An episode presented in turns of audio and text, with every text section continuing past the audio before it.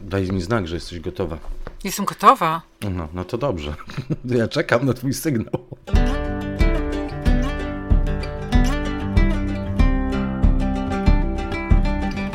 Naturalnie o ogrodach, odcinek 180.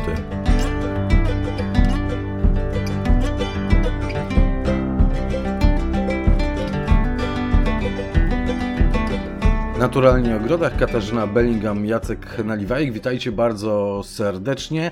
Co prawda końcówka marca, przedostatni dzień e, marca, a my już o kwietniu. Dzień dobry Katarzyno, czujesz się kwietniowo? Dzień dobry. E, Ja chyba troszkę bardziej niż wy, dlatego że z tego co wiem, to u nas, w Zgorzałem przynajmniej, pewnie u ciebie również, jest śnieg. No tak, w tym dniu, w którym nagrywamy, to jeszcze spadł śnieg. Jakieś resztki leżą, chociaż w ciągu dnia trochę e, stopniało tego śniegu, ale jest zimno. Jest zimno. Tak, E. mamy nadzieję na wiosnę, ale kurczę, jakoś cały czas, jak tak sięgam e, pamięcią, to jednak ten kwiecień też był chłodny. Także wydaje mi się, że jeszcze troszeczkę musimy się zadbać o to, żeby nam było ciepło. Znaczy, musimy uświadomić sobie, że kwiecień, plecień. Po prostu kwiecień, plecień. I No i marzec też plecie. Trochę zimy, trochę lata, w związku z tym jeszcze nie raz spotkają nam chłody i tym chłodom trzeba będzie stawić e, czoło. A pytam o ten mm, kwiecień, czy czujesz e, kwiecień, bo u mnie już te mm, e, żonkile, narcyzy, czy jakbyśmy to nazwali, narcyzus, które e, kwitną co roku, e, to zawsze zwiastują u mnie kwiecień. Te e, odmiany, które są, jak to się ładnie mówi, nie zdziczałe, a E, naturalizowane. Właśnie. Te znaturalizowane już e, pochylają swoje główeczki, to znaczy, że za chwilę zaczną kwitnąć. Więc kwiecień zapasem e, i to znaczy... Bardzo szybko. Marzec minął strasznie szybko, wydaje mi się, może dlatego, że e, u mnie są emocje związane z książką. E, dużo się dzieje jakoś takoś. E, już mieliśmy w naszym ogrodzie w warsztaty, jedne, drugie. Bardzo dziękuję wszystkim uczestnikom, którzy przybyli, naprawdę było bardzo fajnie. E, I teraz w najbliższy weekend mamy e, warsztaty, mamy warsztaty wiklinowe. I, I chciałam powiedzieć, dlatego że te warsztaty są bardzo popularne i właściwie od samego początku nie ma miejsc już na te warsztaty, ale chciałam wam powiedzieć, że jedna pani musiała zrezygnować z soboty, więc jeżeli ktoś ma ochotę 1 kwietnia jest jedno miejsce na warsztaty wiklinowe, zapraszamy serdecznie. I to nie jest prima aprilis, tylko to jest wolne miejsce. E, 2 kwietnia za to w niedzielę o godzinie 17 w Gdańsku w księgarni mm, Tajne Komplety przy ulicy Długiej 35 będzie spotkanie autorskie z Katarzyną Bellingham. Książka Ogród Bellingham, jak uprawiać ogród zgodnie z naturą. Katarzyna promuje swoją e, książkę i spotkanie z nią, przypomnę, w najbliższą niedzielę, 2 kwietnia o godzinie 17. Kawiarnia, tajne komplety, ulica Długa 35. Ja na live wyjaśniałem tym, którzy są z Gdańska albo Gdańsk znają, że to na Długiej, gdzie kiedyś mieściło się rosyjskie Centrum Nauki i Kultury, to się chyba tak nazywało. E, Tam w tym miejscu e, będzie spotkanie, tam jest stworzone nowe miejsce wydarzeń e, kulturalnych miasta Gdańska. Katarzyno, dzisiaj będziemy mówić o kwietniu w ogrodzie użytkowym, w ogrodzie warzywnym. Co prawda, od dziś, od tego 30 marca, bo dziś ukazuje się ten podcast, jest kwadra kwiatów, kwadra owoców, więc wyjście w kwiatów jednorocznych Perfekto. kwiatów jednorocznych po prostu będziemy siać, siać, siać. E, Ale o e, pielęgnacji, czy tam o kwietniu w ogrodzie ozdobnym, to porozmawiamy szczegółowo za tydzień. Teraz tylko wspominamy, że do 5 kwietnia to siejemy kwiaty jednoroczne, pomidory siejemy oczywiście. Ale tak jak obiecałem, ten kalendarz siewów będzie na końcu, bo najpierw chciałbym Ciebie zapytać o to, co najważniejsze, o glebę. O glebę chciałbym Cię zapytać w warzywniku. Wiadomo, że jej nie przekopujemy, absolutnie. To jest nasze założenie prowadzenia e, warzywników w ogrodzie zgodnym z naturą, ale pojawiają się pytania. Pytania dosyć często pojawiają się od naszych słuchaczy, którzy mieli zielony nawóz I co teraz? Ten zielony nawóz zmarzł albo nie zmarzł i będą chcieli siać, sadzić. Po drugie, czy teraz można wysypywać kompostem e, te zagony, ściółkować e, kompostem? Jak przygotować tę glebę, jeśli jeszcze czegoś nie wysieliśmy, jeszcze czegoś nie wysadziliśmy, a chcemy wysiewać i chcemy e, sadzić wkrótce rozsady, chcemy sadzić flance. W, w ogrodzie w warzywniku po pierwsze jest teraz bardzo fajnie widać ogromną różnicę pomiędzy właśnie uprawa, uprawami non-dig, które są ściółkowane, e, czy to są rabaty wzniesione, czy niekoniecznie wzniesione, czy na normalnych e, zagonach rozległych takich, to właśnie te uprawy non-dig, jeżeli tylko mamy, macie ścieżkę, po której możecie sobie chodzić, to jest naprawdę super wygrana teraz, dlatego że ta pogoda jest jeszcze taka zmienna, że żeby przeprowadzić właśnie te pierwsze wysiewy, czy pierwsze wysadzanie sadzonek, ja to bardziej mam y, takie rozsady gotowe w szklarni, ale oczywiście niektóre rzeczy możemy siać raczej tylko do gruntu i też warto jest po prostu siać do gruntu, na przykład marchewki, pasternaki, pietruszki korzeniowe, czy takie rzeczy jak koperek, tak, takie łatwe rzeczy, czy oczywiście rzodkiewki. Możemy też oczywiście w środku, ale nie ma tak za bardzo takiej aż potrzeby. Dlatego i to, i tamto będziemy robić, chcieli robić na zewnątrz, tylko pogoda nie zawsze nam sprzyja. Ale zauważcie, że właśnie te rabaty ściółkowane, które mają dużo materii organicznej, a szczególnie rabaty wzniesione, po których w ogóle nie chodzimy, tylko chodzimy po ścieżce, to, to jest niesamowite. Do tych rabat jest o wiele lepszy dostęp niż na przykład do zagonów takich tradycyjnych, po których musimy chodzić. Chociaż tam też, jeżeli są dobrze ściółkowane, to można położyć deseczkę i też nie zniszczymy gleby. Ale to jest bardzo ważne, dlatego warto to robić. Ja spokojnie tutaj e, w Toadpool, jeszcze póki jestem, bo niedługo się wybieram do Zgorzałego, chciałabym jak najszybciej wysadzić wszystkie moje rozsady, te, które mogę. Tam będzie szczypiorki, multi, multi są, tak, wielo, wielo, wielo, wielosiewy, tak, to się nazywa. E, będą sałaty, będzie trochę tego, ale y, padało, jest mokro i teoretycznie nie powinnam się babrać w ziemi, jak ziemia jest mokra. Ale właśnie do czego dążę? Na tych rabatach ściółkowanych ziemia jest super. Nie jest mokra, tak? Jest e, w bardzo dobrym stanie i mogę spokojnie to zrobić, mogę przeprowadzić te wysiewy. Także wasze rabaty powinny być w tym momencie wyściółkowane już e, z czasów jesieni. Wszystko powinno ładnie osiąść się, ułożyć i teraz e, jest ten moment, kiedy możecie właśnie wysiewać lub wysadzać do tych rabat e, warzywnych sadzonki. Ale jeżeli tego nie zrobiliście, to oczywiście, że zawsze można dać jakąś materię organiczną. Zacznijmy może od ściółki, od po prostu albo kompostu, albo przekompostowanej y, jakiejś innej materii, na przykład przy, dobrze przekompostowanych wiórów, czy y, kory, czy, czy ziemi liściowej, czy co, czegokolwiek, tak? E, pamiętacie, czy, czy słomy, czy siana, bo to nie musi być przecież y, coś, co było kiedyś drzewem albo krzewem, to może być coś z roślin y, zielnych. Pamiętajcie o tym, że po wyrzuceniu tego na rabaty i też e, nie za wcześnie w kwietniu, dlatego że jeżeli kwiecień jest chłodny, to zamiast gleba nagrzewać się, no to przykryta taką warstwą ciemnej materii będzie jeszcze nadal długo zimna, chłodna, a to oznacza, że nie będą zachodziły y, tak wcześnie w niej żadne um, procesy z mikroorganizmami, no po prostu procesy życia gleby.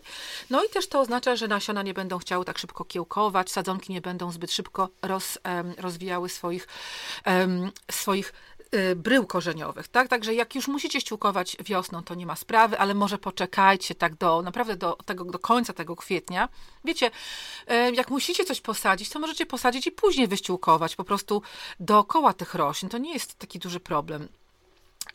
Także to jest, to jest ważne, żeby nie zamykać tego zimna w glebie. Możecie ewentualnie, wiem, że niektórzy ludzie przykrywają kartonami e, rabaty, żeby, żeby się ociepliły, tylko że do tego ocieplenia to naprawdę musimy, musimy jeszcze troszkę mieć więcej słońca i ciepła, dlatego że na razie jest bardzo, bardzo chłodno. Jeżeli chodzi o nawozy zielone, no to też w zależności od tego, co tam wam, co wysiewaliście, co wam wyrosło, Najlepiej by było, żeby teraz już przeznaczyć je na to, żeby one się rozłożyły i dodały y, do materii organicznej, martwej, umierającej materii organicznej, bo taka materia organiczna jest pożywką dla mikroorganizmów, tak nie świeża, a umierająca. Dlatego nie ma sensu zostawiać tych, jeżeli one nie poległy podczas przymrozków, czy nie były przykryte i zabite, wy, wy, wymęczone przez śniegi, to nie ma sensu ich zostawiać, dlatego że one e, już teraz nie, niepotrzebne są jako żywa materia, tak? korzenie zrobiły swoją pracę w ten sposób, że ładnie rozbiły glebę, tak, y, y, stworzyły w niej różne kanaliki dla powietrza, dla wody. E, te korzenie też, jak y, umrą rośliny, to one też zgniją, znikną i pozostawią po sobie e, pustki, tak, które właśnie będzie można, szczególnie jak ziemia jest mocno zbita, to w tym to, to, to pomoże w warunkach wodno-powietrznych. Także jeżeli macie martwe te rośliny, to zostawcie je w spokoju, po prostu na ziemi, nic nie wyrywajcie, nic nie, nie, nie, nie wycinajcie.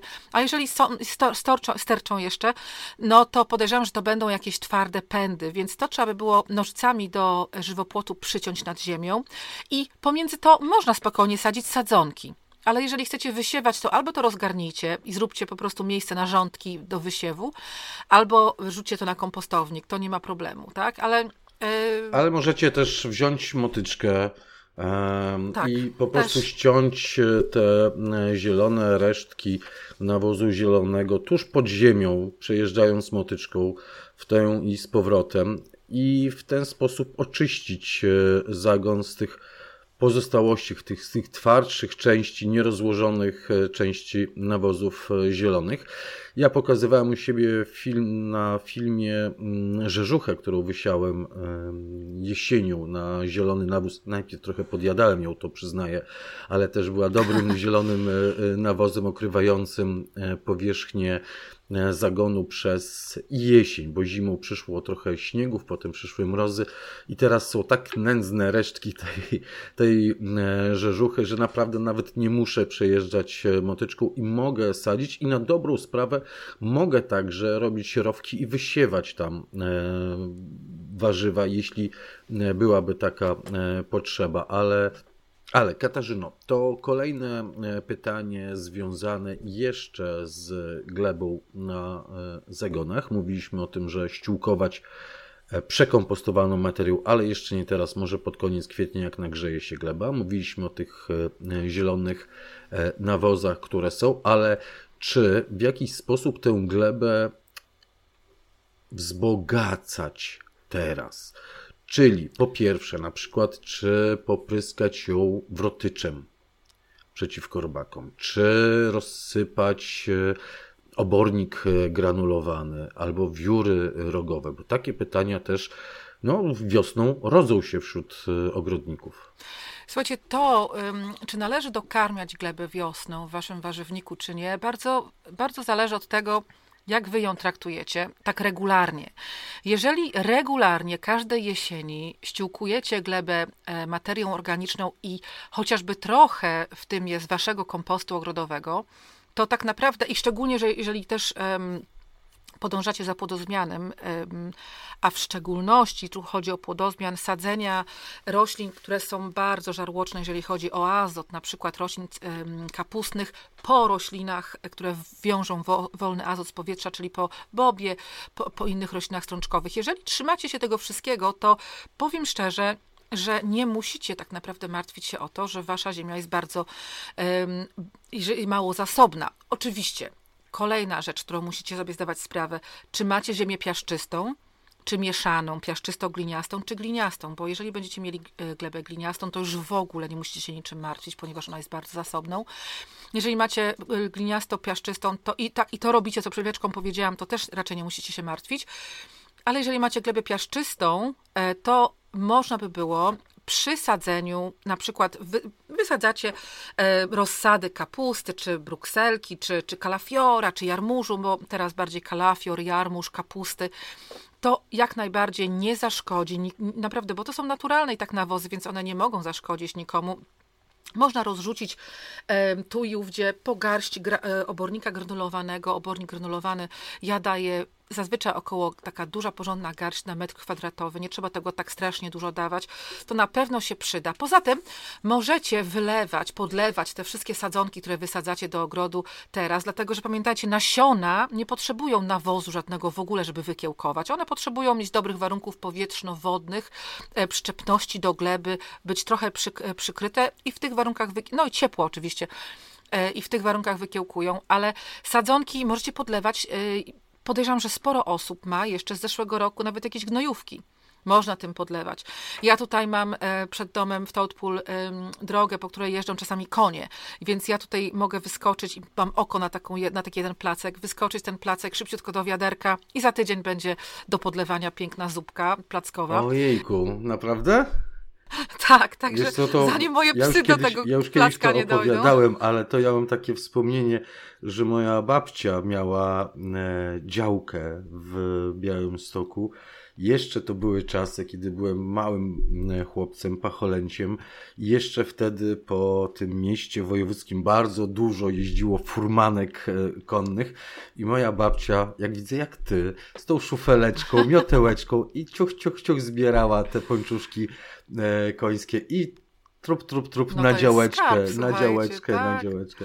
Ależ wspomnienie skarb. mi się takie przypomniało. Ale oczywiście Zobaczcie, jakie to jest bogactwo. Taki jeden placek, bo takie konie, no wiecie, to koń pączuś, to duża bestia. Taki. E, jak zrobi, to zrobi. Także taki, taki jeden ładunek może spokojnie zasilić um, taki wiadro, um, wiecie, tak, takie dosyć duże wiadro. Nie wiem, tam ile w tym litrów w tym wiadrze. 10-15. 10-15, no spokojnie, no to, to, to jest naprawdę full wypas. Także czymś takim też możecie podlewać, różnymi gnojówkami, ale pamiętajcie o jednej zasadzie, e, że gnojówki ze świeżej pokrzywy, E, które będziecie dopiero robić, bo podejrzewam, że pokrzywa jeszcze dopiero tutaj w Anglii wystawia e, nosek ponad glebę, tutaj pierwsze liście wychodzą. Ja podejrzewam, że w Polsce jeszcze nie ma tak pokrzywy, żeby robić na, e, nawozów. Jeszcze nie ma, ale już płynnych. są młode listki takie wprost na sałatkę ekstra. To akurat, właśnie, to akurat do jedzenia jest. Także pamiętajcie, jeżeli będziecie używać później takiego, takiego, takiej gnojówki z pokrzywy, to pamiętajcie, że taka jest zależność. Te osoby, co jeszcze nie wiedzą, że pokrzywa jest odpowiednia, odpowiedzialna za zielone części roślin, za wzrost pędów, za wzrost liści, dlatego że jest w niej więcej azotu niż w innych gnojówkach, tak, albo innych nawozach. Czyli azot jest odpowiedzialny za rozwój części zielonych. Słuchajcie, tak jak macie sałaty, macie kapusty, e, albo chcecie, żeby wam coś na początku sezonu ładnie urosło do góry, jak na przykład jakieś pnącza, albo jak na przykład chociażby e, to pomidory, tak? E, ale później nie podlewajcie cały czas tą gnojówką z pokrzywy, tylko zamieńcie ją albo na po prostu krowiniec, czyli gnojówkę z obornika, o którym przed chwileczką mówiliśmy, dlatego że tam są, chociaż jest troszeczkę więcej azotu niż innych składników, ale są dosyć zbalansowane i tego azotu nie ma o wiele więcej. Także to będzie świetnie wpływało na taki całkowity rozwój rośliny. Albo jeżeli macie dostęp do żywokostu, to róbcie gnojówki z żywokostu, ponieważ w żywokoście jest sporo potasu, a potas będzie odpowiedzialny za tak jakby następny krok rozwoju roślin, zakwitnienie i potem zaowocowanie. Także później e, przerzucimy się na to, ale na pewno będziemy z Jackiem Wam o tym często opowiadać. Także teraz nie musimy szaleć. Jeżeli nie macie bardzo ubogiej ziemi, to nie musicie szaleć z nawozami e, stałymi. Jeżeli macie, to możecie rozrzucić ja na przykład mam taką sytuację tutaj u siebie w warzywniku, że niektóre rabaty, niektóre zagony y, wzniesione są ściółkowane przekompostowanymi zrębkami, a niektóre zagony, no tam na ile nam starczyło, były y, ściółkowane kompostem naszym, tak, przesianem z kompostownika. I tam, gdzie są zagony wyściółkowane przekompostowanymi zrębkami, i tam, jeżeli tam będę sadziła rośliny, które lubią mieć dużo azotu, na przykład właśnie kapusty, jarmuże i nawet, wiecie co, chociaż szpinak to zawsze wszędzie rośnie o każdej y, porze dnia i nocy, ale chociaż nawet i, i sałaty, to mogę rzucić troszeczkę właśnie tego obornika granulowanego, dlatego że taka ściółka, przekompostowane wióry czy zrębki zdrewniałe, to będą miały zawsze mniej nawozu niż taki prawdziwy kompost, dlatego oczywiście, że kompost ma tak bogaty te składniki w sobie, tam tego tyle wszystkiego jest, a tutaj raczej jest tylko ta materia zdrewniała. No i oczywiście, jeżeli e, nawoziliście, po prostu ściółkowaliście przekompostowanymi e, materiałem, przekompostowanym obornikiem albo takim materiałem odzwierzęcym, to też raczej nie musicie się martwić. Ale najbardziej ubogi będzie materiał przekompostowany, który pochodzi od drzew, krzewów, czyli właśnie zrębki, ko, przekompostowane zrębki, przekompostowana kora e, i też liś, liście. Mhm. A chciałbym Cię jeszcze zapytać, Chodzi o wióry rogowe? E, tak, i jeszcze jeżeli macie dostęp, bo wiem, że bardzo dużo osób nas słucha w Anglii. W Anglii świetnym nawozem, zawsze powtarzam, jest ta mączka rybna. Podobno można ją kupić w sklepie wędkarskim, muszę to sprawdzić w Polsce. ona jest bardzo miałka i ona dosyć szybko też się rozkłada, dlatego że w warzywniku nie chcemy czekać strasznie długo, zanim te nawozy się rozłożą. Dlatego właśnie obornik granulowany, nawozy płynne, naturalne, które sami zrobimy, vermikompost, e, kompost bokashi, bokashi e, i płynny i to, co zostaje w wiaderku. Słuchajcie, to, co zostaje w wiaderku, bo też miałam ostatnio pytanie, chyba nawet dzisiaj, to, co zostaje w wiaderku po, z kompostu bokashi, już, e, które, z czego chcecie się pozbyć, to w związku z tym, że to jest kompost robiony w warunkach beztlenowych, to najlepiej będzie się czuł zakopany na około 20 cm pod ziemią na zagonach, i tam po, po, po, po, bardzo krótkim okresie e, czasu już będzie można sadzić, ale nie, nie tak od razu. Um, e, można też go wysypać na kompostownik, ale szkoda go trochę na kompostownik, lepiej go zakopać, tak jak mówiłam. A mączkę rogową, e, wióry właściwie rogowe, one są stanowczo większe i bardziej twarde. Zostawcie sobie na uprawy wieloletnie i tym w kwietniu jak najbardziej też podsypujemy, e, ale byliny, drzewa, krzewy, Ewentualnie, bo dzisiaj mówimy o, o, o ogrodzie użytkowym, ewentualnie w ogrodzie użytkowym możecie podsypać e, warzywa wieloletnie. E, możecie również podsypać oczywiście krzewy i drzewa e, owocowe. Tylko też pamiętajcie, że szczególnie z drzewami owocowymi przy nawożeniu, też nie ma co szaleć z azotem, dlatego że później skończy się to na tym, że nasze jabłonki będą miały bardzo dużo liści, a niekoniecznie owoców. Dlatego uważajcie z obornikiem pod drzewami owocowymi. Stanowczo jest lepiej użyć e, do ściółkowania e, właśnie w jagodniku czy w sadzie kompostem kompostem własnym. Mhm. Katarzyno, to jeszcze e, kilka pytań, e, zanim przejdziemy do tego terminarzu e, wysiewów. Mhm. Po pierwsze, jak mądrze i dobrze wysiewać wprost do gruntu? Bo mówić będziemy o wysiewach marchewki, pietruszki, pasternaku. Powiedziałaś o tym buraków. Będziemy, będziemy zachęcali do wysiewu buraków do gruntu, o koperku, o jeszcze wielu innych e, warzywach, które by, można wysiewać prosto do gruntu, choćby sałaty, tak? My uprawiamy sałaty z rozsad najczęściej ze względu nie na to... Ze względu na ślimaki. Tak, dokładnie, ze względu na ślimaki. Ze względu na to, że mm, te ślimaki żarłoczne mogą przyjść i zjeść modelistki, ale wiadomo, że sałaty wysiane wprost do gruntu po prostu lepiej się ukorzenią, będą pewnie e, e, może i zdrowsze trochę niż te, e, które są uprawiane e, w pojemnikach, bo co wysiane do gruntu, to wysiane do gruntu, a nie do e, pojemników, ale, ale właśnie jak mądrze wysiewać, jak dobrze, prawidłowo wysiać, bo e, ty opowiadałeś kiedyś, że pracowałeś u jakiejś, nie wiem kto to była, hrabina, jakaś, jakaś lady, no, która tak. polewała wrzątkiem e, rowki. Ale e, już teraz abstrahując od tego wrzątku, bo bardzo często robimy rządek w ziemi, wsypujemy tam nasiona i przykrywamy glebą. A czy można trochę jakoś inaczej? Jest kilka zasad, których trzeba się przede wszystkim trzymać. Pamiętajcie, jak najpłycej. Naprawdę jak najpłycej, cokolwiek, jakiekolwiek nasionka. Tylko musicie oczywiście zwrócić uwagę na wielkość nasionek. Jeżeli to jest buraczek, no to nasionko jest troszeczkę większe niż nasionko, powiedzmy, kapusty.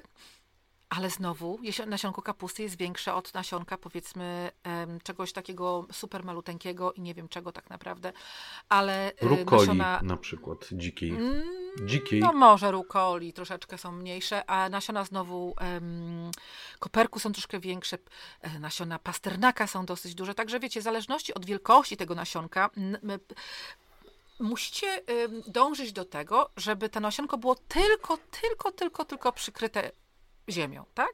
One ma być tylko przykryte. To jest po to, żeby wiecie, żeby tam coś ich nie zjadło, żeby żaden tam jakiś zła pogoda ich za bardzo nie zmaltretowała. To jest tylko i wyłącznie po to, naprawdę nie za głęboko. To jest pierwsza rzecz. Druga rzecz jest taka, że oczywiście nasionka muszą mieć. Um, one muszą mieć styczność z podłożem. Dlatego przed wysiewaniem, jeżeli macie, y, wiecie, bo my mamy takie super wyfikane te nasze rabaty, dlatego że my ściółkujemy i one, one są dosyć takie, y, te, te, mm, ale te części ziemi, ta gruzełkowość tak, ziemi jest bardzo dobra. Ale jeżeli macie jakieś większe bryły ziemi, no to musicie je rozbić, musicie je um, grabiami grabić tam i z powrotem, przy okazji rozbijać, żeby one były coraz mniejsze, żeby one, żeby one, one nie mają być wszystkie identyczne jak, na, jak w piaskownicy, tak? jak, jak piasek, ale muszą być na tyle drobne, tak zwane fine po angielsku, tak, drobne, żeby później jak wysypiecie ten, ten rowek y, w tym rowku, tak, y, nasionka, no to żeby one gdzieś tam się nie zapadły do Japonii, no bo one muszą być na wierzchu, tak, także to jest bardzo ważne. I żeby nasionka się dobrze ułożyły, to po zrobieniu rowka, ja zazwyczaj rowek robię, wiecie, po prostu krawędzią łopatki ręcznej, i, I później dobrze by było, zanim wysiejecie nasionka, właśnie wlać z e, konewki, ale bez sitka, tak samego tego lejka. E, jak ktoś trafi, to ja daję punkty, dlatego że ja zawsze rozlewam dookoła. Wiecie, to nie jest takie proste, żeby taką konewką trafić wprost do tego rowka, także czasami to jest takie trochę pijane ale cały bajer polega na tym, że macie trafić do tego rowka i wtedy woda razem z ziemią ładnie osiądzie, nie będzie dziur i do tego właśnie wsypujecie nasiona. I kolejna rzecz, jak najpłycej i jak najrzadziej, bo później będziecie musieli te nasiona przerwać. E, czasami możecie zjeść to, co przerywacie, a czasami możecie dać kurom, a czasami się to zmarnuje. Także to jest ważne. Lady Morton polewała taki właśnie rowek wrzątkiem, przychodziła na tych swoich szpilkach z tymi swoimi diamentami na palcach, palcach, wychodziła do, te, do ogrodu, z czajnikiem prosto z kuchni i polewała ten rowek, no bo przecież ja to w życiu bym nie mogła tego zrobić. Niektóre rzeczy tylko ona mogła robić, bo my byśmy nie umieli. E, I tu chodziło o wysiewanie takich rzeczy jak pasternak i pietruszka, e, natka. E, dlatego, że one lubią mieć podobno właśnie takie warunki jak być posadzone, posiane zaraz po wylaniu wrzątku do ogrodu. Może to pomagało, może nie, ale faktycznie ta, ta pietruszka rosła. Także wiecie, na pewno nie, nie zaszkodzi, tylko że oczywiście po wlaniu tego wrzątku ten, ten, ten wrzątek robi się zimny bardzo szybko, dlatego że ziemia jest zimna. Niemniej jednak będzie troszeczkę cieplejsza niż gdybyśmy nie wlali tego wrzątku, więc jeżeli macie ochotę biegać z, z, z czajnikiem po ogrodzie, to jak najbardziej. Jak widzicie, nawet arystokracja angielska to robi, więc to, to nie, nie będzie umiał dla nikogo. I później bardzo delikatnie te nasiona y, takim zwinnym ruchem ręki zakrywamy ziemią, ja bardzo często albo delikatnie dłonią przybijam, co pokazuję na vlogach, albo biorę um, grabie i po prostu y, przybijam od góry grabiami delikatnie, żeby później to wszystko było rozwalone przez krety, koty, psy i kury generalnie. To, I nornice. To już wiemy e, o wysiewach. ok, to teraz jeszcze o sadzeniu rozsad, o sadzeniu flans, jak to się tak ładnie e, mówi. E, w jaki sposób dobrze posadzić, bo już możemy sadzić. Ja już posadziłem u siebie na zagonach rzodkiewkę, którą uprawiałem e, w tych e, pęczkową, w tej uprawie e, w pojemnikach, w wielodoniczkach. Posadziłem także szpinak cebulę dymku, dymkę, którą e, e, pędziłem. Jak dobrze sadzić i tutaj chciałbym, żebyś troszeczkę więcej czasu, no tak gdzieś tak z minutę poświęciła oczywiście rozsadom kapusty. Minutę na rozsadę kapusty, dobrze. Więc przede wszystkim może ja podejrzewam, że na pewno ktoś myśli teraz, słuchając nas, po co robimy te rozsady, kiedy można by było wszystko wysiać do, y, do ziemi. Myśmy o tym kiedyś już wspominali, ale może bardzo tak szybciutko tutaj już powiedziałaś o ślimakach. Ja osobiście e, mam kilka powodów, dlaczego e, robię rozsady wcześniej. Przede wszystkim, że mogę robić troszeczkę wcześniej, e, więc mogę się już troszeczkę pobawić nasionkami i przepikowywaniem różnych rzeczy, e, zanim pogoda na zewnątrz na to pozwoli, to przynosi mi ogromną przyjemność. To jest jedna z, z wielu rzeczy. Druga ważna rzecz jest taka, że faktycznie mam duży problem ze ślimakami w ogrodzie e, jeżeli wysieję nasio- na przykład e, nasionka sałaty i one wzejdą, czy szpinaku, to bardzo często zanim ja w ogóle się zorientuję, to one będą zjedzone już przez ślimaki, tak? Zanim ja tam w ogóle Ja mam tak z fasolą, wiesz, jak, jak wy... rusza no, fasola, to, to czasami widzę, że rośnie, rośnie, a potem nagle jej nie ma. Hmm, zniknęła. Dokładnie. Um, I wtedy po prostu jeżeli wysadzamy już większe sadzonki z multiplatów, no to te rośliny są podrośnięte. One mają o wiele większą szansę e, przeżycia, jeżeli są ataki ślimaków. Tak? Kiedy jeszcze nie są takie malutkie, kiedy już mają właściwe liście, no to jest duża różnica. E, kolejna sprawa jest taka, że ja bardzo często e, uprawiam nasiona roślin, które są, że tak powiem, wyfikane. I troszeczkę szkoda mi jest wysiewać w rządku duże ilości tych nasion. Wolałabym po prostu wysiać o wiele mniej do, do P9 albo do, i potem przepikować, albo wprost do multiplatów, niż przerywać. Wiecie, takie nasiona, których jest dużo, bo, bo, jeżeli kupujemy na przykład opakowanie rzodkiewki, jakiś tam Galaxy, czy jakiś tam French Breakfast, to akurat, czy, czy, czy koperku, tak, to są duże opakowania, to nie ma co za bardzo chytrzyć, ale jeżeli tam gimnastykujemy się, przywozimy skądś, wymieniamy pomiędzy nami jakieś wyfikane y, nasiona, na przykład sałaty, taką jak tutaj Jacek od ciebie. Albo buraka złotego, gdzie było 15 nasion i to takich pojedynczych Dokładnie. nasion. No to człowiek już liczy te nasiona no, i dlatego policzyłem. chcemy mieć kontrolę. kontrolę chcemy mieć na tym, ile tych nasion idzie i zostawić na kolejny wysiew w tym roku albo na przyszły rok. To jest, to jest taka rzecz. Także są różne powody, y, żeby nie wysiewać do gruntu, ale niektóre rzeczy, tak jak mówiliśmy wcześniej, szczególnie te rzeczy korzeniowe, na pewno y, lepiej będą się czuły w gruncie wysiane wprost do gruntu, a nie przesadzane.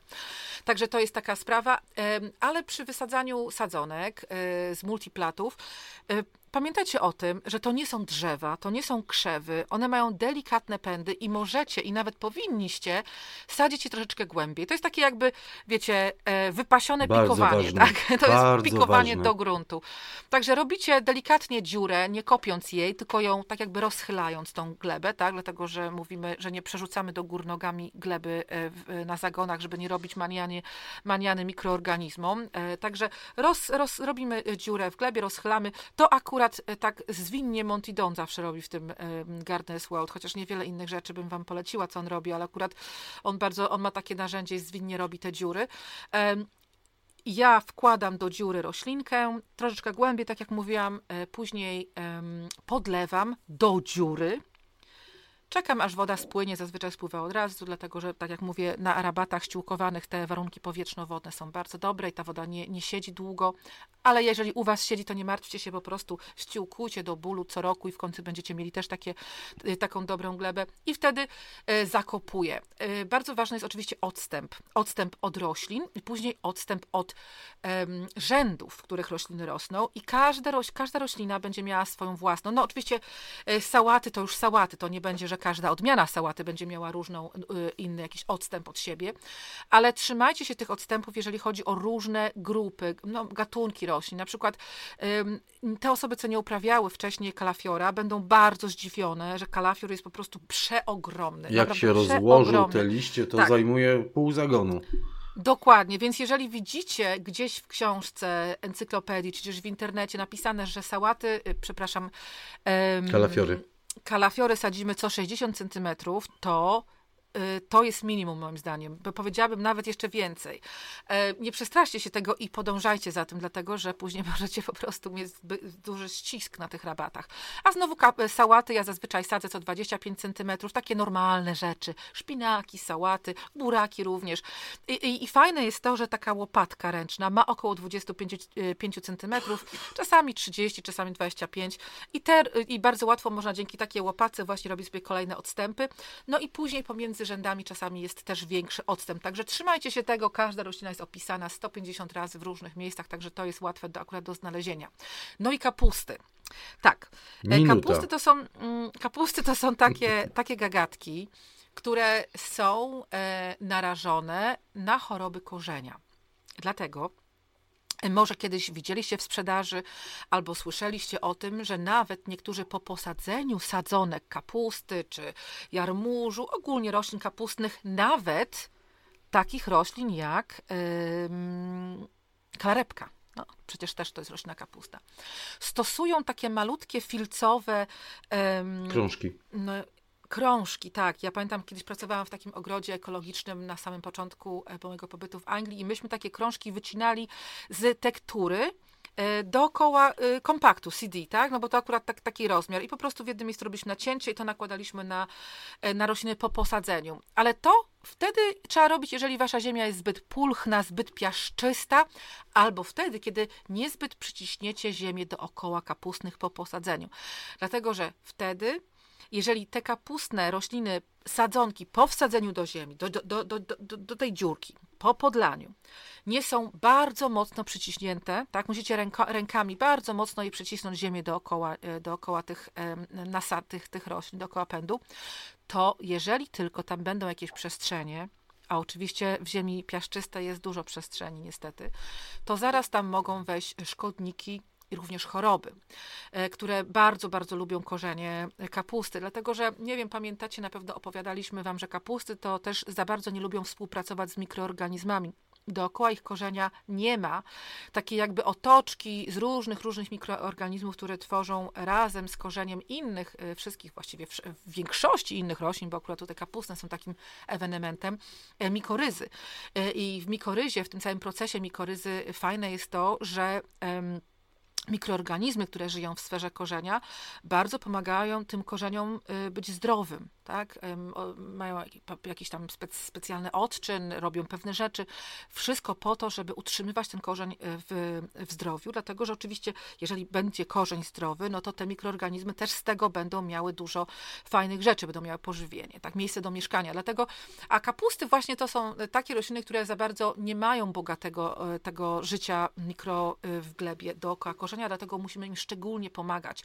Dlatego też warto jest, wiecie, pomiędzy kapustami bo kapusty to są rośliny, które można powiedzieć, że to jest, mają długi okres wzrostu, wzrostu, tak? Sadzimy je teraz i one będą potem nam plonowały e, w późnym latem, czasami nawet jesienią, a niektóre nawet i jeszcze później, tak? Na przykład ten e, słynny e, brokuł gałązkowy, który właśnie teraz pięknie plonuje tutaj u mnie w ogrodzie, no to bardzo wskazane jest sadzenie w pomiędzyrzędziach, pomiędzy tymi roślinami, jeszcze właśnie inne rośliny z zupełnie innej grupy, na przykład sałaty, szpinaki, kwiaty, nagietki, turki tak zwane, ja nie wiem, dlaczego powiedziałam turki, bo zazwyczaj na to mówię jak samitki, ale wiem, że tak turki też się mówi, po prostu jakaś bioróżnorodność, nie tylko nad ziemią, ale i pod ziemią, tak? Starajmy się. E, tutaj wkraczamy oczywiście w temat tej bioróżnorodności pod ziemią, e, ogólnie warzywników, rabat, nie bójcie się sadzić żywopłotów dookoła warzywnika, dookoła rabat warzywnych, tylko oczywiście wtedy pamiętajcie, żeby one nie były na tyle wysokie, żeby zacieniały te, te I nie bójcie się kwiatów i ziół e, także e, warzywniku. Powiedziałeś, że wycinałeś te kartonowe krążki, mówiłaś o filcowych. E, mhm. Jeśli, jeśli to podpowiem Ci, u Ciebie w sklepie jest ta taka weł, włóknina z wełny owczej. Ona mhm. świetnie się nadaje. W ubiegłym roku stosowałem akurat do ochrony fasoli tycznych przed e, ślimakami, ale ona także będzie nadawała się do ochrony Twoich kalafiorów, e, które tak, tak lubisz i kapust. E, I takie krążki możesz zrobić z tej, z tej włókniny z owczej e, wełny, bo to chodzi o ochronę przed śmietką kapuścianą, to co mówiłaś, która potrafi tam chętnie e, żerować w korzeniach kapusty i w ten sposób. Tak, i jeszcze są choroby grzybowe też, które tam lubią się roz, rozpanoszyć w, w korzeniu. Mhm. Tak, ja nie wiem, co ja mam z tymi kapustami. Masz rację, bardzo lubię kalafiory, mam jakieś takie po prostu obsesje. Gdybyście też kapuściana dziewczyna, bo ty kalafiory, broku same flance kapust, jarmuże. No jarmuże, no to królowa jarmuży jesteś przecież tutaj na Ja mi się wydaje, że po prostu one są takie piękne. Słuchajcie, te kapusty, jak one są takie pełne, są takie piękne. Ja po prostu kocham, jak wyglądają kapusty. Um, no i też kocham kapustę pod każdym, e, ale najlepiej świeżą, najlepiej chrupiącą i oczywiście kapustę kiszoną. Tak, e, bigosie to niekoniecznie. Teraz zjem bardzo chętnie, ale to nie jest number one. Moją ulubioną jest jednak czerwona kapusta. Ja uwielbiam czerwoną O, czerwoną kapustę, kapustę też. No. Ojejku, jest, nie mówmy teraz Dobrze, Katarzyno, e, już dochodzimy, prawie że, prawie że dochodzimy do tego terminarza naszego e, siewów, ale muszę Cię jeszcze zapytać o jedną roślinkę, naszą ulubioną roślinkę, o ziemniaczki. O ziemniaczki, które mhm. będziemy sadzić w kwietniu i które już pewnie e, pędzimy, a jeśli nie pędzimy, to co? Bo e, byłem ostatnio w sklepie i widziałem już w sprzedaży takiej, nie trzeba zamawiać, tylko w sklepach są już e, sadzeniaki ziemniaków, po kilka ziemniaków w torebeczce do mhm. kupienia. Co z tymi ziemniaczkami? Słuchajcie, no jeżeli nie, nie pędzicie, no to trudno, to nie pędzicie, no to, to, to, to nie jest jakiś, to, to, to też będą rosły, tylko po prostu będą troszkę później miały te pędy, no bo po prostu pędzenie polega na tym, że już w domu na parapecie poustawiane do góry, jak, jak żołnierzyki jeden koło drugim, ziemniaki wypuszczają po prostu pędy troszeczkę wcześniej. To jest pędzenie jak wszędzie we wszystkich pędzeniach, tak? E, pędzimy zazwyczaj rośliny, które boją się chłodów, czy to są właśnie dalie, czy to są kany, czy to są ziemniaki. Wszystkie te trzy rośliny pochodzą w ogóle z tego samego miejsca na Ziemi. One się bardzo tym charakteryzują, że właśnie nie lubią chłodów. A u nas jest taki krótki sezon wzrostu e, w Polsce, że po prostu chcemy je posadzić do ziemi, jak już troszeczkę, chociaż troszeczkę zrobią krok do przodu, tak, żeby one chociaż, chociaż miały parę pędów. No i oczywiście w ziemi, która jest chłodniejsza niż to, co jest u nas e, na parapecie w domu, one będą te pędy rosły wolniej. Ale też też musimy pamiętać o tym, że te pędy, jak wyjdą, jak posadzimy je to, i one później wyrosną ponad ziemię, one będą bardzo, bardzo, bardzo wrażliwe na przymrozki. I znowu, jeżeli macie pecha, akurat wyjechaliście par, na parę dni gdzieś tam i wasze ziemniaczki wyrosły, te pędy wyrosły ponad ziemię i nie zdążyliście ich kop, ukopczykować, dlatego że przecież kopczykowanie bardzo pomaga, wtedy one nie przemarzną. E, i wrócicie i one są przemarznięte, te zielone części, no to też to nie jest jeszcze koniec świata. One po prostu będą potrzebowały troszkę więcej czasu, ale pewnie wypuszczą nowe, nowe pędy, tylko troszeczkę po prostu będziecie do tyłu z czasem, tak? Nie będziecie mieli obiadu powiedzmy 30 e, czerwca, tylko 15 lipca z tych pierwszych ziemniaczków, bo to są przepierwsze, super pierwsze ziemniaczki first early. Także słuchajcie, nie ma sensu sadzić zbyt wcześnie. Ja wiem, że podczas naszego live'a w poniedziałek ktoś pisał, że ktoś e, wysadza że już posadził. W, w marcu. Ale że miał teraz w weekend. Mhm. Tak, nie wiem, na pewno wtedy to też jest kłopot dla tych osób, bo muszą cały czas pilnować. Ja wiem, że w Anglii e, się wysadza e, do, dopiero na początku kwietnia, a tutaj o ile jest cieplej, nie ma co, słuchajcie, się spieszyć. Naprawdę w kwietniu spokojnie wysadzajcie sobie te wasze ziemniaki. Jeżeli, ja tak myślę, że te zaraz tutaj wezmę moją magiczną linijkę, taki ziemniak na jakieś no, mówi się 20 centymetrów, ale to razem chyba z ziemniakiem, więc jakieś 15 centymetrów do ziemi, to akurat jest wielkość takiej łopatki też, także to bardzo fajnie pasuje. I później jak tylko wystawiają główki nad ziemię, pierwsze liście się pojawiają bardzo ładnie, one wyglądają, bo liście ziemniaków są takie okazałe, e, to po prostu starajcie się ściółkować. No i bardzo, bardzo uważajcie, bo jeżeli będziecie już mieli dosyć duże kopczyki, już nie będziecie mieli możliwości ściółkować wyżej, a można ściółkować, słuchajcie, 20-30 cm, to po prostu będziecie mieli więcej ziemniaków. To potem starajcie się i, i nadal chronić przed przymrozkami te przyrosty na ziemniakach aż do drugiej połowy maja, tak? kiedy już nie powinno być przymrozków. E, po prostu używajcie agrowłókniny, koce, no cokolwiek, kołdry, mhm. podzielcie się z ziemniakiem kołdrą, ale żeby po prostu nie mieć strat. I później e, będzie fajnie. I pamiętajcie, że te wszystkie ziemniaki, nie wiem czy w Polsce, ale chyba też już coraz więcej się pojawia, i nie, nie tylko jeżeli chodzi o odmiany, ale też jeżeli chodzi o to, czy one są wczesne, czy średnie, czy późne, ale oczywiście te wczesne ziemniaki nie muszą zakwitnąć do zbiorów, możemy je zbierać zanim zakwitną, zbieramy już je w drugiej połowie czerwca, a właściwe ziemniaki na, e, no, już tak w połowie lipca będą kwitły i później po przekwitnięciu możemy już je zbierać, a wiadomo, że główne zbiory ziemniaków są w, we wrześniu. Wykopki wtedy są, kiedy rok szkolny tak. się zaczyna. Mhm. E, to wtedy e, wykopki. I na zagonach, jeśli coś już posieliście, jeśli coś posadziliście, zobaczcie, co jest za oknem. Przynajmniej u nas, jak mówiliśmy na samym początku, trochę mroziku i trochę e, śniegu warto okrywać e, zakony, zagony agrowłókniną. Zawarto to wiosenną agrowłókniną, która będzie chroniła te wczesne wysiewy marchwi, pietruszki, e, roszponki w moim przypadku, czy świeżo posadzone cebulki, szalotki, bo posadziłem już też cebulę szalotki warto okrywać agrowłókniną, czy to na płasko, czy tworząc małe e, tuneliki nad e, zagonami. Chroni nam to przed tymi mrozami, chroni przede wszystkim przed wiatrem, przed tymi chłodami, które mogą zastać rośliny na zagonie. I to też ważna uwaga, wszelkie rozsady, które będziecie wynosić, czy to z domu, czy to ze szklarni, do posadzenia w gruncie, koniecznie musicie zahartować. To nic, że będzie mhm. fajny, ciepły dzień, to nic, że będzie pięknie słońce świeciło to e, trzeba tak czy siak zahartować. Trzeba dwa, trzy, czasem cztery dni, w zależności od warzywa, e, poświęcić na hartowanie, wynosić na dzień, chować na noc e, do szklarni, potem może którejś nocy zostawić po prostu na zewnątrz okryte agrowłókniną, ale po to, żeby przyzwyczaić te rozsady, jak Katarzyna często mówi, do słońca, ale też dodajmy do wiatru.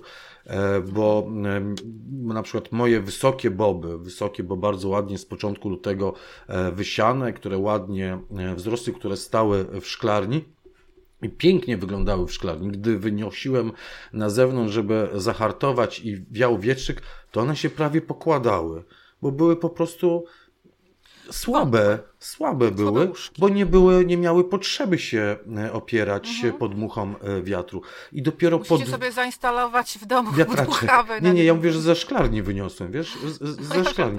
I dopiero po dwóch dniach one po prostu nabrały charakteru, zmężniały, stwardniały i e, zachowywały się tak, jak się powinny zachowywać boby na zewnątrz tak odporna roślina jak e, bób, jak e, groszek e, pachnący, które teraz wynosimy, one też potrzebują takiego hartowania. To moje doświadczenie z tym bobem w tym roku i wiatrem, tak obserwowałem, myślę sobie, no tak, to jest właśnie taki najlepszy, namacalny dowód na to, że te rośliny tak odporne także potrzebują hartowania nie na zimno, nie na słońce oczywiście też, ale na wiatr, na to, żeby się przeciwstawiać podmuchom wiatru. To co Katarzyno, mhm. dochodzimy do terminarzu siewu w końcu. To znaczy, a, a przejdziemy szybciutko przez jagodnik? Proszę cię bardzo, a co chcesz powiedzieć w jagodniku? To znaczy, no, w jagodniku mamy już wszystko ostatni... przycięte, w zasadzie mam nadzieję. Ale jest ostatni, tak, przycięte to jak najbardziej, ale jest ostatni tak naprawdę moment w, na, teraz w kwietniu, szczególnie może w kwadrze tych y, roślin liściowych, żeby sadzić drzewa i krzewy owocowe z odkrytym korzeniem. Ach, tak. tak? Dlatego, mhm. że jeszcze jest ten kwiecień. Później to już nie będzie takiej, takiej możliwości, dlatego, że jeszcze jest, rośliny są w stanie spoczynku. Także jeżeli naprawdę macie okazję, to łapcie, łapcie tą okazję e, i kupujcie, jeżeli jeszcze nie macie, rośliny z odkrytym korzeniem do jagodnika i do sadu. I to są te wszystkie maliny, borówki, oczywiście jabłonie i tak dalej, i tak dalej. I tutaj bardzo fajnie pisze Magda Przybylak-Zanowicz w swoim poradniku o tym, jak zanim korzenie drzewek i sadzonek trafią w glebę, wcześniej zamaczać je w gęstej gnojówce z czystego końskiego nawozu i krowińca. To tak, e, że tak powiem, krążąc przy temacie tych nawozów krowich i końskich, które zostawiają mi przed, przed domem konie. W główienku to, maczaj po prostu. Tak, w główienku. I słuchajcie, to też jest, dlatego, dlatego mówię wam, strasznie mnie korci to główienko, które leży przed moim domem, żeby w końcu znaleźć czas, żeby pójść do, do, do wiaderka włożyć. Dobrze, zaraz Ale... skończymy, już nie musisz tak się upominać o koniec podcastu, żeby pobiec, bo u ciebie jeszcze e, jasno i możesz pobiec i znaleźć te e, ponczusie i zgarnąć na szufelkę tylko tak, weź ja jakąś fajną moje miotełeczkę. Psy i one nosem mnie, za, mnie One za, cię zaprowadzą. zaprowadzą. To dochodzimy do tego terminarza e, siewu. Od dziś, od 30 e, marca do środy 5 kwietnia mamy kwadrę, e, w której zajmujemy się w sposób szczególny, co nie znaczy, że innymi nie, ale w sposób szczególny roślinami kwiatowymi i owocowymi. I tutaj wysiewamy, Katarzyno, kwiaty jednoroczne. O tym mówić mhm. będziemy e, z, w przyszłotygodniowym, o tym ozdobnym, ale kwiaty jednoroczne to jest ten czas, w którym szalejemy z kwiatami jednorocznymi. Szalejemy też z pomidorami to też jest e, istotne. Posłuchajcie naszych podcastów, obejrzyjcie nasze filmy. My często mówimy, że pomidor od momentu wysiania do posadzenia do gruntu potrzebuje około 8 tygodni. Założyliśmy, przynajmniej ja założyłem, nie wiem jak e, Katarzyna, Katarzyna nie założyła, bo Katarzyna w gruncie nie uprawia pomidorów. No nie wiem, może w tym tygodniu, ale na razie, znaczy w tym roku może, bo my mamy dużo takich odpornych, ale no. nie wiem. Założyłem, że e, będę sadził 20 maja, w związku z tym to jest ten czas, w którym e, mogę zacząć wysiewać i zresztą już zacząłem wysiewy pomidorów, o czym chwaliłem się w poniedziałkowym live, bo w poniedziałek mm, wysiałem swoje e, pomidory. Ale tutaj pojawiają się inne e, ciepłolubne rośliny. I tutaj proszę Ciebie o krótki komentarz, bo w, tym, w tej kwadrze do wysiewów poda, mhm. pojawiają się między innymi ogórki sałatkowe e, i gruntowe, dynie, cukinie i kukurydza. To są wszystko warzywa ciepłolubne, zarówno ogórki e, sałatkowe e, i gruntowe, te, które do szklarni pójdą, dynie, które potrzebują troszeczkę do wzrostu, cukinie i kukurydza. Mhm. Co znaczy, ja y, osobiście myślę, że tylko osoby, które tak naprawdę mają em, gdzie uprawiać pod osłonami później takie rośliny. Dlatego, że jeżeli to ma iść na zewnątrz, to pamiętajcie, że to jeszcze będzie długo, długo chłodno, a to są rośliny, które kochają ciepło. Dlatego też, i też fasola, nie wiem, czy mówisz o fasolce szparagowej. Nie, nie mówię, fasola, fasola to- szparagowa to też, też uważajcie, też uważajcie, bo to jest czasami może nam się nie wydawać, ale one są zupełnie inne niż groszek. Groszek jest bardzo odporny na chłody, fasola jest bardzo, bardzo wrażliwa na chłody. Dlatego spoko... I to też są rośliny szybko rosnące. I, kab... I, i, i, i cukinie, i dynie, i ogórki melony, ta, to całe towarzystwo, oczywiście kukurydza również, szczerze mówiąc, i e, fasole, to są rośliny szybko kiełkujące, szybko rosnące, więc też nie spieszcie się. My w naszym e, ogrodzie wzgorzałem bardzo często robimy to tak naprawdę dopiero na przełomie kwietnia i maja, takie wysiewy.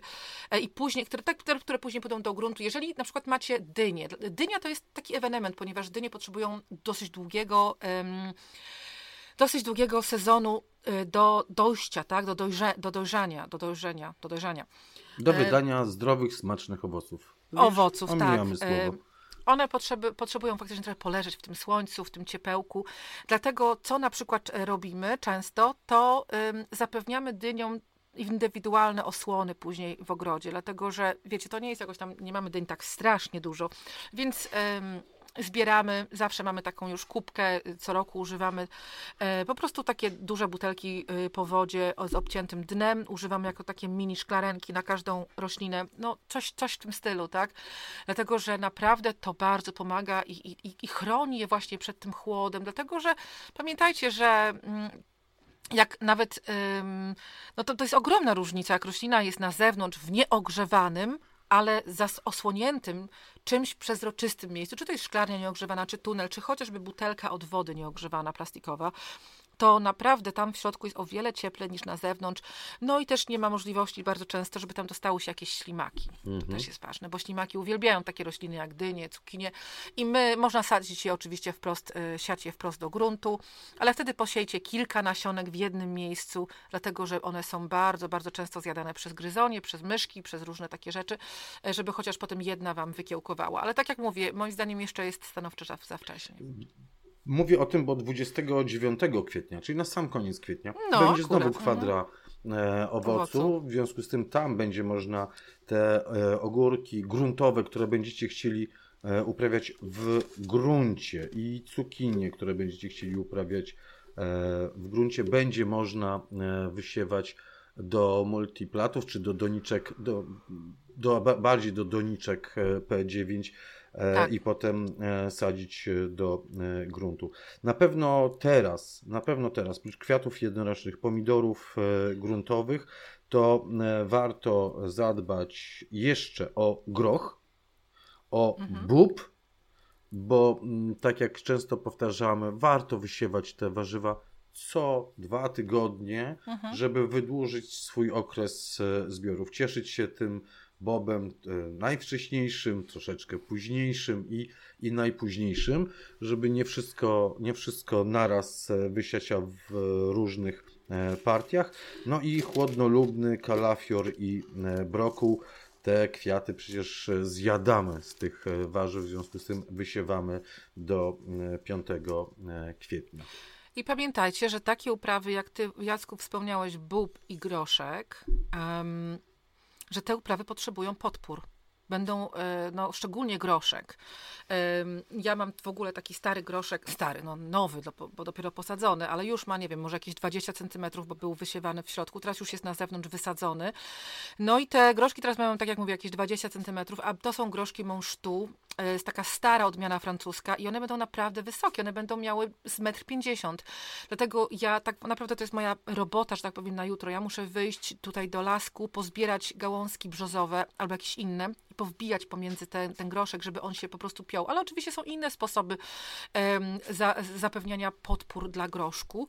Em, no i bób też warto jest, chociażby jak mamy zagon z bobem, to my zazwyczaj tak robimy, że po prostu em, na rogach te, tych, tych, tych upraw wbijamy Kołki. wbijamy kołki, tak, jakieś takie patyczki brzozowe czasami i po prostu rozciągamy pomiędzy nimi sznurki, żeby one się nie, nie pokładały, bo czasami ciężko im tak stać do góry. Tak, tak. Ja p- nie stosuję gałązek e, brzozowych, a stosuję gałązki derenia.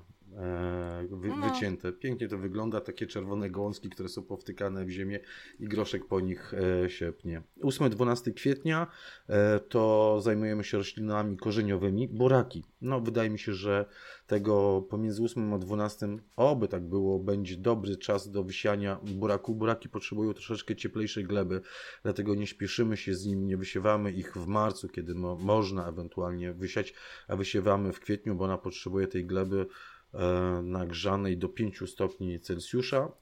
Możemy sadzić dymkę, por do gruntu w ogrodzie lub do multidoniczek, po cztery tak nasionka w doniczce i mieć taką uprawę pęczkową, także e, pora. Oczywiście rzodkiewkę, kalarepkę, seler, ale wewnątrz. Seler wewnątrz e, wysiewamy na tacki i pikujemy. E, O pasternaku Katarzyna mówiła, o pietruszce także, o marchwi i jeszcze możemy sadzić e, czosnek wiosenny. Nie martwcie się czosnkiem jesiennym, który Wam powychodził i przyszły mrozy. Nic się temu czosnkowi nie stanie, nie przemarznie, nie będzie e, miał jakichś z, z odmarzniętych swoich pędów, będzie dobrze. I pomiędzy 8 a 12 kwietnia będziemy pędzić dalie, ale dalie będą królowymi kolejnego odcinka. Tych, tak, tak, tak czekamy. Między innymi, tak, Tak, jest. czekamy, czekamy, że za tydzień się zajmiemy e, daliami. I 22-26 kwietnia ponownie będziemy zajmować się e, roślinami liściowymi, będziemy siać e, sałatę. Już do gruntu będzie można siać, ale także wewnątrz.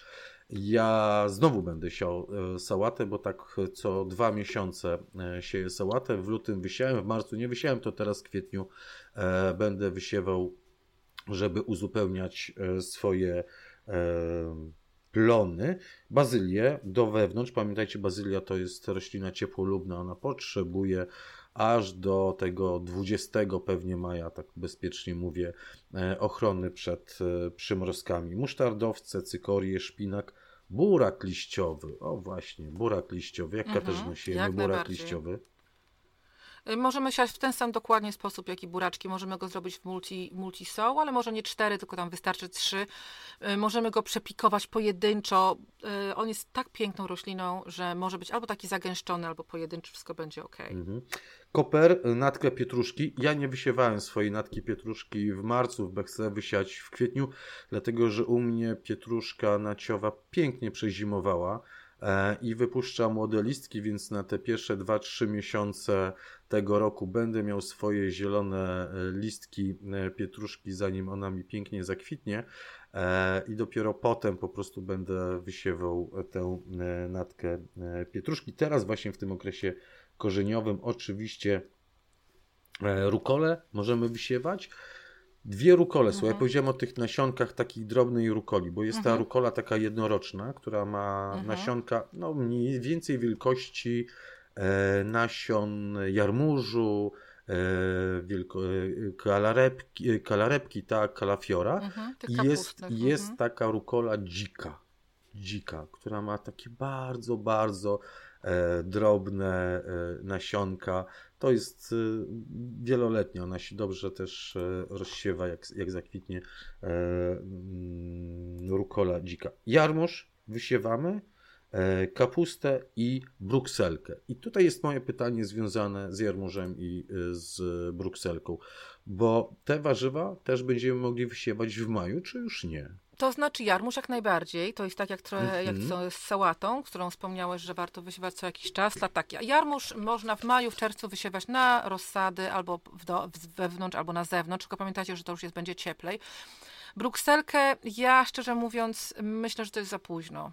bo... Chodzi o majowy termin się, bo e, No w maju, no ostat, ostatecznie, ostatecznie w maju. Nie, nie, dlatego, pytam że... dlatego, y, to, to zadaję się takie pytanie, bo mm, y, też dostałem pytanie związane z tym, że komuś ta brukselka nie zaplanowała, nie, mhm, nie zaplanowała tak, tak. ładnie.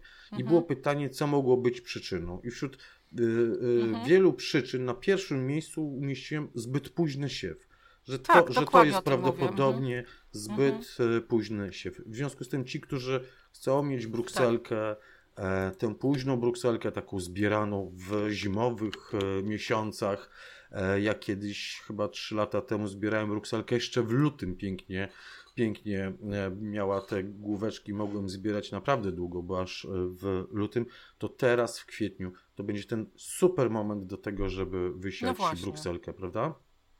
Tak jest, właśnie, właśnie, właśnie. To będzie dobry moment. Kwiecień. Pamiętajcie, jeszcze daleko jest do świąt Bożego Narodzenia, kiedy wcinamy brukselkę z ogrodu, ale to jest naprawdę dobry moment, żeby już o tym pomyśleć. Mhm.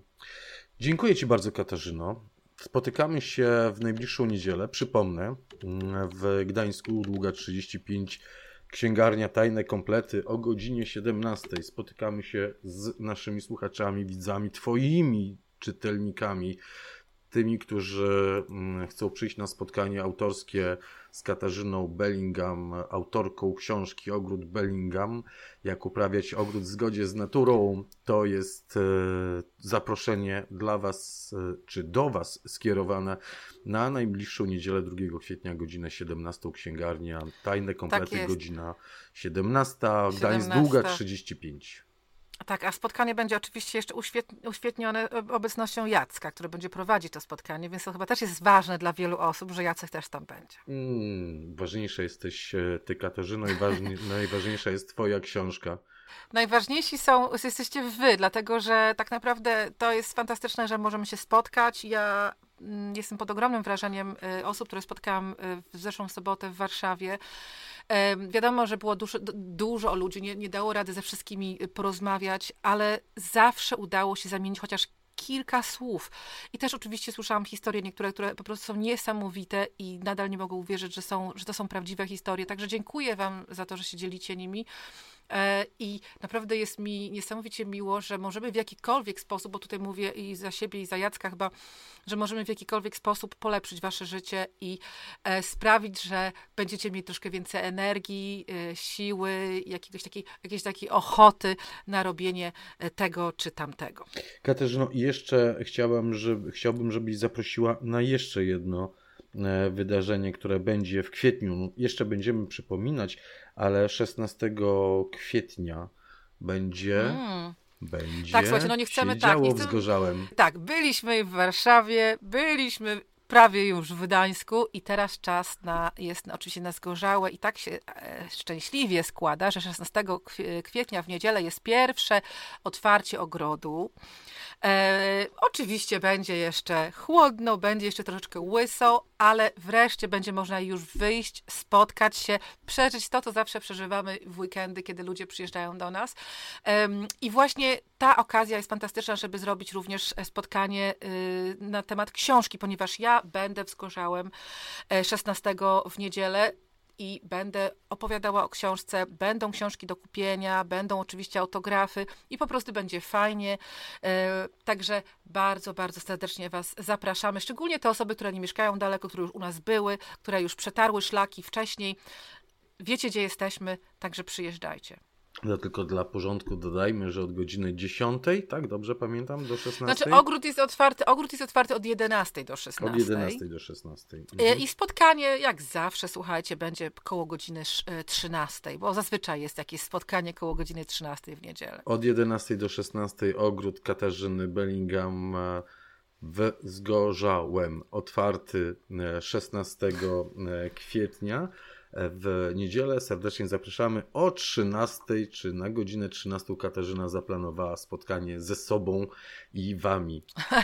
tak, słuchajcie, trzymajcie kciuki za ładną, ładną pogodę, jakąś choć znośną pogodę, ale pamiętajcie, że zawsze jak przyjeżdżacie do nas na, e, do ogrodu, to ubieracie się na cebulkę, również na te warsztaty, tak? I tutaj przypominam, warsztaty W sobotę y, wiklinowe jest jedno miejsce, ktoś, jakiś szczęśliwiec się na nie załapie, także zapraszam y, serdecznie. I weźmy coś na rozgrzewkę na tego 16. Tak. Dziękuję Katarzyno. Do zobaczenia zatem w najbliższą niedzielę już niedługo. Dziękuję również. Tak jest. Papa.